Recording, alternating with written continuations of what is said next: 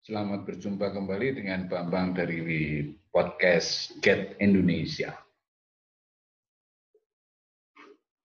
Apa yang ingin disampaikan pada kesempatan kali ini adalah dalam era new normal itu, ya, apa saja yang berubah atau apa saja yang terdampak ya, relatif signifikan terhadap segala hal, ya, entah itu perilaku, entah itu keadaan.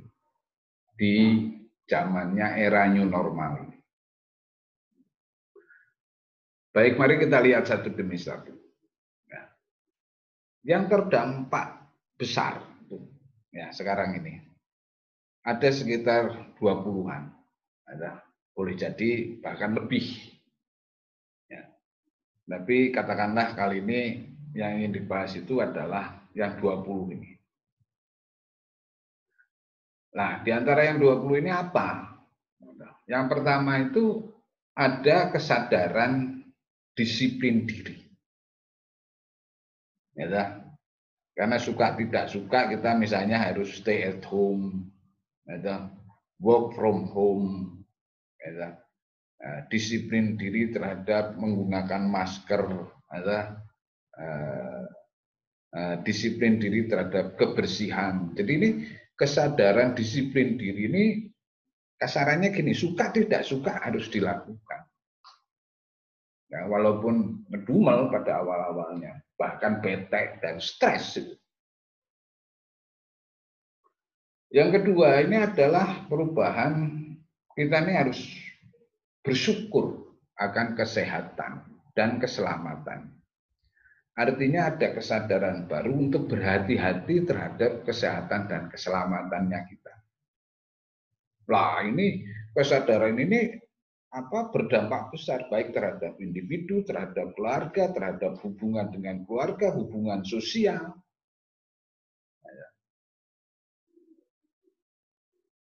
Nah, tapi dasarnya itu adalah bersyukur bahwa kita masih sehat dan selamat. Nah, dan ini akan mempengaruhi berbagai pola berpikir dan pola perilaku. Yang ketiga, itu orang cenderung mencari cara ya untuk menghilangkan kebosanan, untuk menghilangkan stres karena keadaan, karena perintah, karena aturan, ya. ya. Jadi dengan isolasi diri atau isolasi kepaksa di rumah sakit ini menimbulkan tekanan-tekanan di dalam batin kita, pikirannya kita. Ya. Yang keempat, itu otomatis perubahan norma sosial juga terjadi. Yang tadinya bersalaman tidak bersalaman. Ya. Yang tadinya tersenyum kelihatan giginya, sekarang kan ditutupi masker jadi nggak kelihatan. Ya, yang tadinya main pelak-peluk, ya, cepuka cepiki menjadi tidak. Atau dan ini akan berlangsung lama. Kalau berlangsung lama itu berarti akan terjadi perubahan norma-norma sosial. Nah ini kaitannya dengan dengan nomor lima nih, dengan social dan physical distancing. Jadi kita mau tidak mau ini harus lebih sabar itu dalam antrian, jangan deket-deket ya, secara fisik. Nah nanti yang berubah besar itu adalah di dalam tata kelola pelajaran di sekolah. Ya. Ini dampaknya besar. Ya. Karena didasari oleh perubahan nomor 6. Yaitu adalah ketakutan tertular. Ya, ya. Jadi paranoid ini, ini lucu nanti nanti orang cenderung curiga aja bawaannya. Nah, kecurigaan ini akan merubah pola berbagai apa, apa, sikap dan pola perilaku ya ataupun aturan-aturan normatif sosial, baik itu di sekolah, baik itu di dalam misalnya di restoran ataupun ketika kita belanja di supermarket, ataupun di pasar. Yang ketujuh, ini standar-standar kebersihan. Ya, karena dengan tadi itu, itu ada kesadaran disiplin diri, kesadaran eh, kebersihan juga akan mengikuti. Nah, nanti banyak aturan di berbagai tempat, terutama di sekolah, di mall, di rumah sakit, di ya public space lah, di di terminal, di jalan. Jadi nanti ada standar-standar kebersihan yang suka tidak suka ini harus dilakukan. Nah, termasuk di dalamnya nomor 8 itu adalah pola makan. Jadi nanti orang pasti akan bekal. Nah, kalau bekal itu jajan di luar menjadi berkurang. Kalau jajan di luar berkurang berarti ekonomi kecil kerakyatan juga berubah. Ya, apalagi ditambah dengan ketakutan tertular, standar kebersihan masak, tampilan, atau makan. Ini berubah semua. Ya, sehingga kesembilan itu kebiasaan jajan juga akan berubah. Nah, yang ke sepuluh itu adalah bagaimana kita mengolah berita-berita ini juga berubah. Karena masa kemarin atau, atau masa sekarang yang pandemi ini begitu banyaknya berita yang antara benar dan salah itu tidak ketahuan. Ya, terutama yang hoax itu bisa langsung ditelan gitu aja dan ini bisa menimbulkan kekacauan.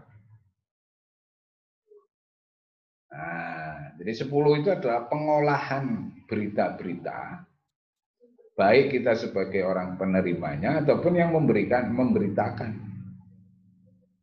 Ya, ini kerasa banget ini di dalam uh, apa itu namanya uh, pemberitaan media baik yang mainstream maupun yang enggak. Artinya yang enggak itu yang misalnya apa pemberitaan yang di uh, reshare di YouTube di uh, apa namanya di sosial media dan sebagainya. Yang ke sebelas ya, cara mengelola, cara memimpin, cara rapat berubah. Boleh jadi nanti itu yang namanya apa itu namanya uh, webinar, ya, Eh, rapat jarak jauh, Zoom. Ya. Ini akan menjadi hari-hari. Nah, perubahan yang ke-12 dan 13 itu adalah penerbangan dan pariwisata. Ini kena imbasnya besar ini penerbangan ini. Ya. Karena ketakutan tadi yang di atas itu. Jadi perubahan karena ketakutan, karena standar dan sebagainya, sehingga penerbangan itu sepi, jadi sepi. Ya. Nah kalau penerbangannya sepi, ya pabriknya juga ikut sepi. Pariwisata juga demikian, karena itu adalah tempat pengumpulan banyak orang. Ya.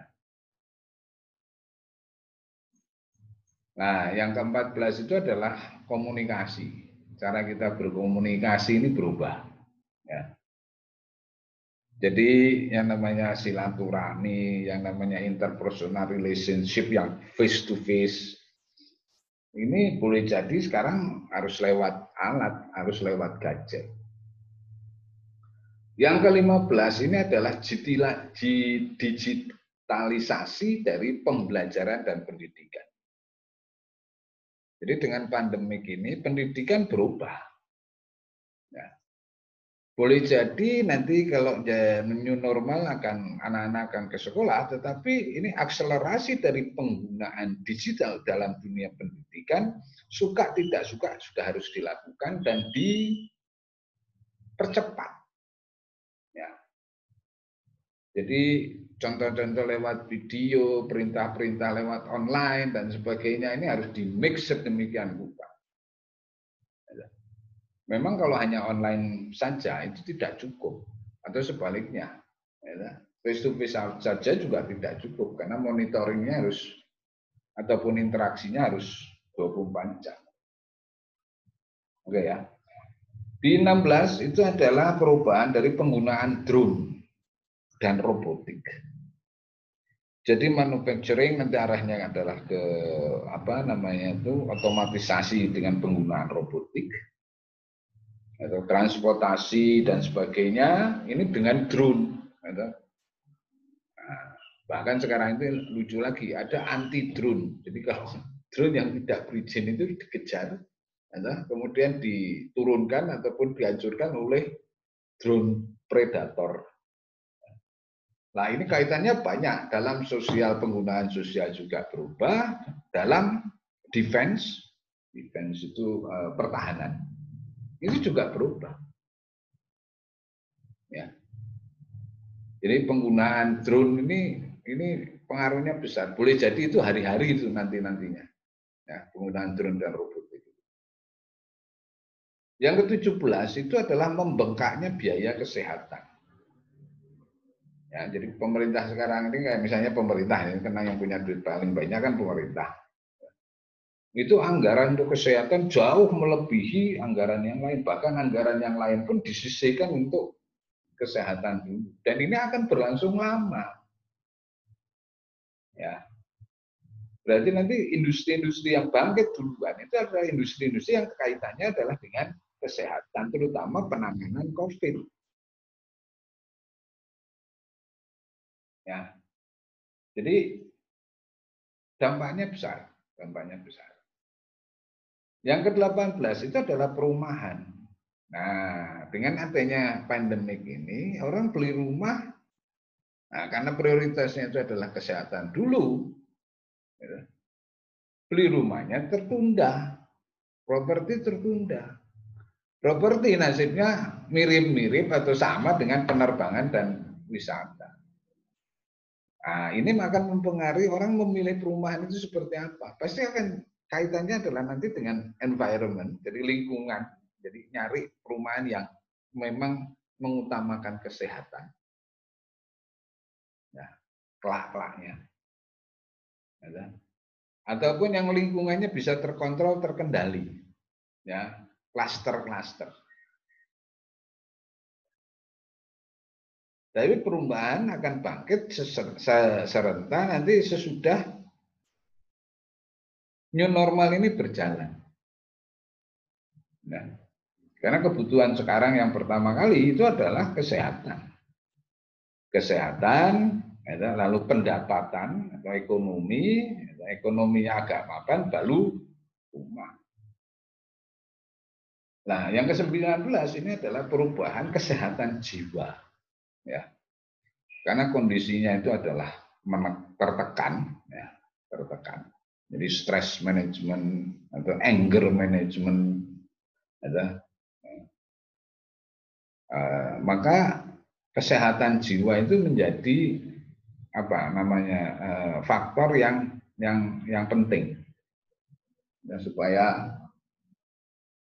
ya kasarannya supaya tidak gendeng gitu lah dalam melakukan perubahan-perubahan yang cepat ini atau dampak dari perubahan ini. Yang ke-20 adalah budaya, kesenian itu berubah. Ya, berubah.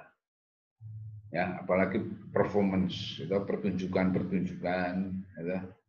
Nah, ini harus ada cara sedemikian rupa sehingga kita bisa menyampaikannya ke audiens gitu, lewat jarak jauh. Ya. Jadi itu 20 hal yang perubahan yang dialami ataupun yang harus diantisipasi atau dicarikan jalan keluarnya agar kita itu punya kemampuan yang adaptif, ya, kemampuan yang menyesuaikan dengan keadaan. Ya. Demikian hal-hal yang bisa disampaikan mengenai Eh, apa saja dampak dari perubahan sesudah COVID dan ataupun sekarang lah dalam menghadapi new era ini. Terima kasih dan mudah-mudahan eh, berguna.